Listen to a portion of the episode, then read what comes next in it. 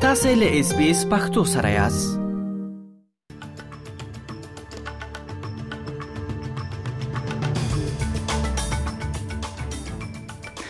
خبرونو سرټکی د استرالیا فدرالي حکومت نن شپه خپل فدرالي بودیجه وړاندې کوي او دا لومړی ځل دی چې په 15 کلونو کې د استرالیا بودیجه له کسر څخه وتل ده او د 3 میلیارډ ډالرو ګټه سره دا بودیجه وړاندې کیږي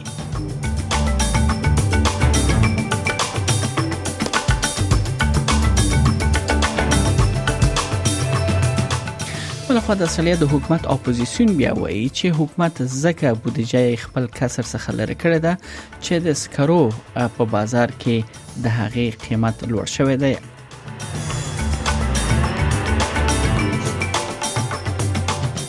ملګرو ملتونو ویلي دي طالبان د بدني سزاګانې بند کړي ول بیا طالبان وایي د شریعت لمخې دغه سزاګانې ورکول کیږي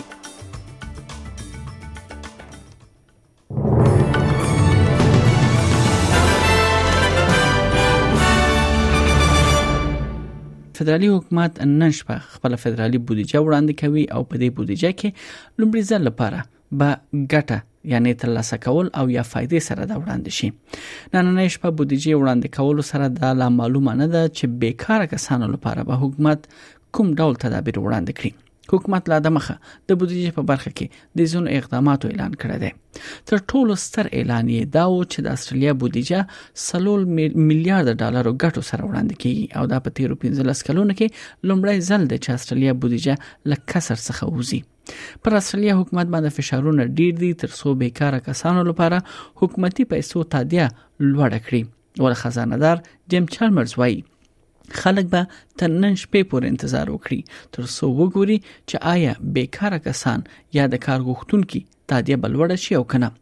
ډاکټر چالمرز وایي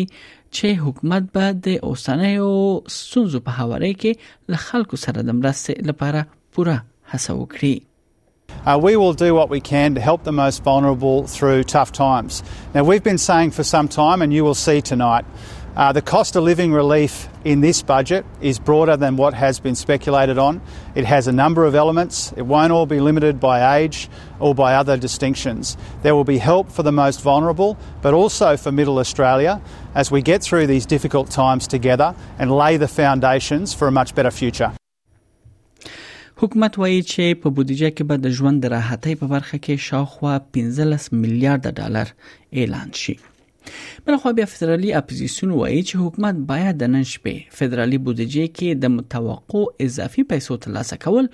یا بودیجه له کسر څخه وسلو لپاره باید د ډبرو سکرو صنعت څخه مننه وکړي د ملي ګوند سناتور مد کینون وایي اضافي پیسې یوازې په استرالیا کې د ډبرو سکرو د ریکارډ نرخونو لامل شتون لري نه د حکومت لخوا د ښه اقتصادي مدیریت لامل دی وایي حکومت د لکورنۍ سره د مرستې لپاره لا ډیر کار وکړي Glad that the Labor Party are happy with their budget because most Australians are struggling with their own family budgets right now. And what we need is a government that will help families uh, with their own budgets by controlling government spending. Instead, what we seem to have got uh, is much more massive blowout in government spending, which is only going to make inflation worse and make it harder uh, for Australian families to balance their own budgets. فدرالي خپلواک پارلمان غړی مونیک راین حکومت تورن کړی دی چې د استرالیا د غازو شرکتونه نن شپه بودیجه کې له استرالیانو ډیر لومړی توپ ترلاسه کوي فدرالي حکومت د پټرولیم سرچینو د کرایې مالیه کې د بدلون پلانونه اعلان کړی دي چې د 90 سلنه عاید د تیلو او غازو تولیدونکو کولای شي د مایع طبي غازو پروژو څخه دوی معاف کړي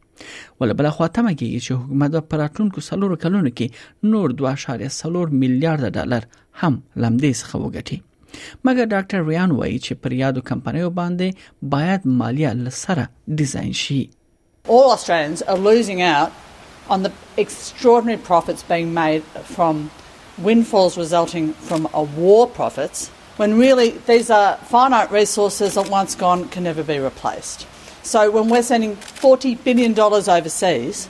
and we're proposing to gain $2.4 billion over four years, you have to ask what the government's doing and how they could have possibly come up with something which is so ill advised in terms of the interests of the Australian taxpayer.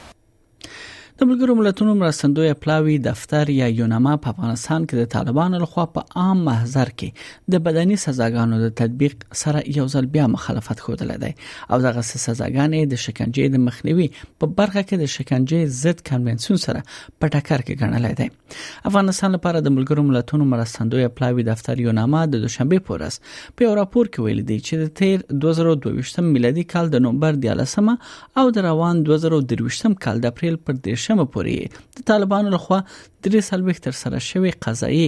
بدني مجازاتو قضیه ثبت کړې دي چې په ترڅ کې د خزو او هلکانو په ګډون 322 کسانو ته بدني سزاګان ورکړ شوې دي په دې راپور کې ویل شوی دی چې په 300 پیښو کې 58 خزه او 240 سړیو او دوه هلکانو ته د مختلفو جرمونو لکه زنا د کورس څخه فرار غلا لواطت د شراب وسخل او نور جرمونو لپاره دوی ته مجازات ورکړ شوې دي ول بیا طالبان ویل دي چې دوی هر اقدام چې کوي هغه د شریعت لمخې کوي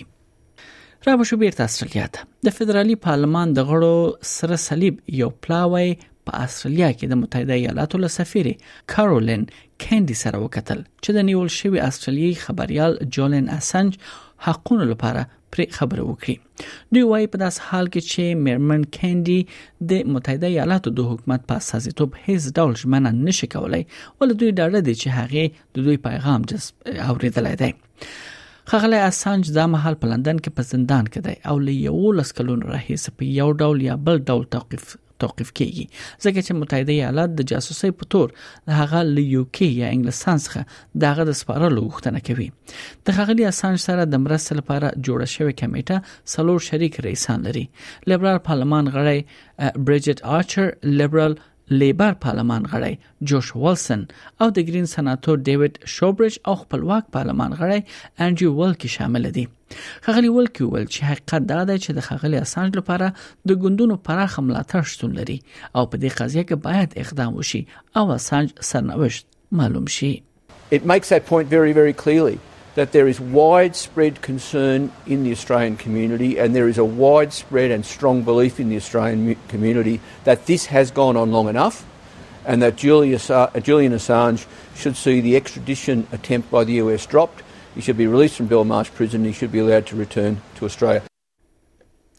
کانتس هوایی شرکت نن په عالی محکمه کې دوی را څرګندېږي او دوی به هڅه کوي چې د فدرالي محکمې دوه حکمونه لغوه کړي چې د زینو کارمندانو بهر کول غیر قانوني ول کانتس د اوبا په جریان کې د 1600 کارمندانو دندې دوی یعنی دندې لغوه کړې وي په شمول د چې پاغي کې پاکون کې او د ځمکني کارمندان هم پکې شامل ول دایله دندو څخه ګوښه کړي ول وروسته له هغه چې د ترانسپورت کارګرانو اتحادیه کانته د دې موضوع په اړه محکمې ته یعنی وړاندې کړ دوه ځله پریکړه وشوه چې د دغه کارمندانو لری کول او بیا په ځای له بهر څخه نور ګمارل دا یو غیر قانوني عمل وو د اتحادیه ملي سکرټر مايكل کین وایي چې کانټس د استرالیا په تاریخ کې د غیر قانوني دندو د تر ټولو ستر قضیه مجرم دی It should be putting together good compensation packages for these workers and their families. And it should be focusing on what it needs to focus on, which is rebuilding this company, which the Joyce administration has left in reputational and operational tatters. بلخو په ملبورن ښار کې د عامه استوګنځي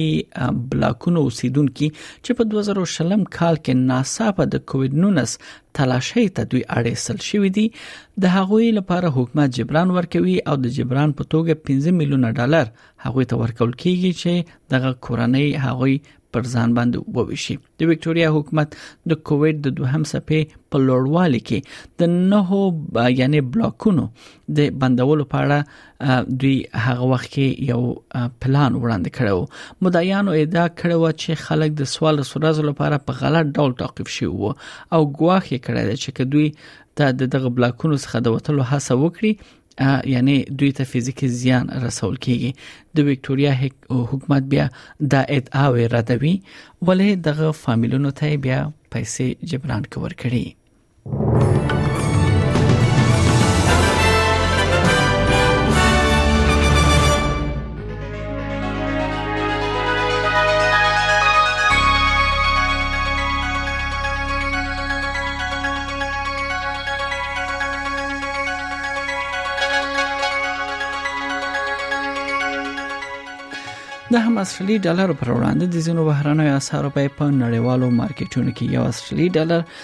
صفر اشاریه شپږ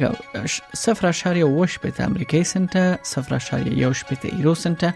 یو استرالی ډالر نه پنځوس اشاریه درې پنځوس افغانۍ روپۍ یو سل دوه نوي اشاریه نه دېرش پاکستاني روپۍ یو استرالی ډالر پنځه پنځوس اشاریه څلور پنځوس هندۍ روپۍ او هم صف دوه اشاریه نه څلوېښت اماراتي درهم او په اخر کې یو استرالی ډالر 0.350 انګلیسي پنسه ارزښت لري د هم د استرالیا د ځینو ښارونو نن لپاره د تودوخه تر ټولو لوړه درجه هغه هم د سانتیګریډ په کچه په سیدنی کې هوا لمریزه ده د تودوخه تر ټولو لوړه درجه 60 سانتیګریډ اټکل شوې ده په ملبورن کې بیا هوا باراني 14 په برزبن کې هوا لمریزه 23 په پرت کې هوا باراني 25 په اډلیډ کې هوا باراني 13 په هوبر کې هوا باراني 15 په کمبيرا کې اسمان برګ 15 او په اخر کې داروین هلته هوا لمریزه ده او د تودوخې تر ټولو لوړه درجه 22 سانتیګریډ اټکل شوې ده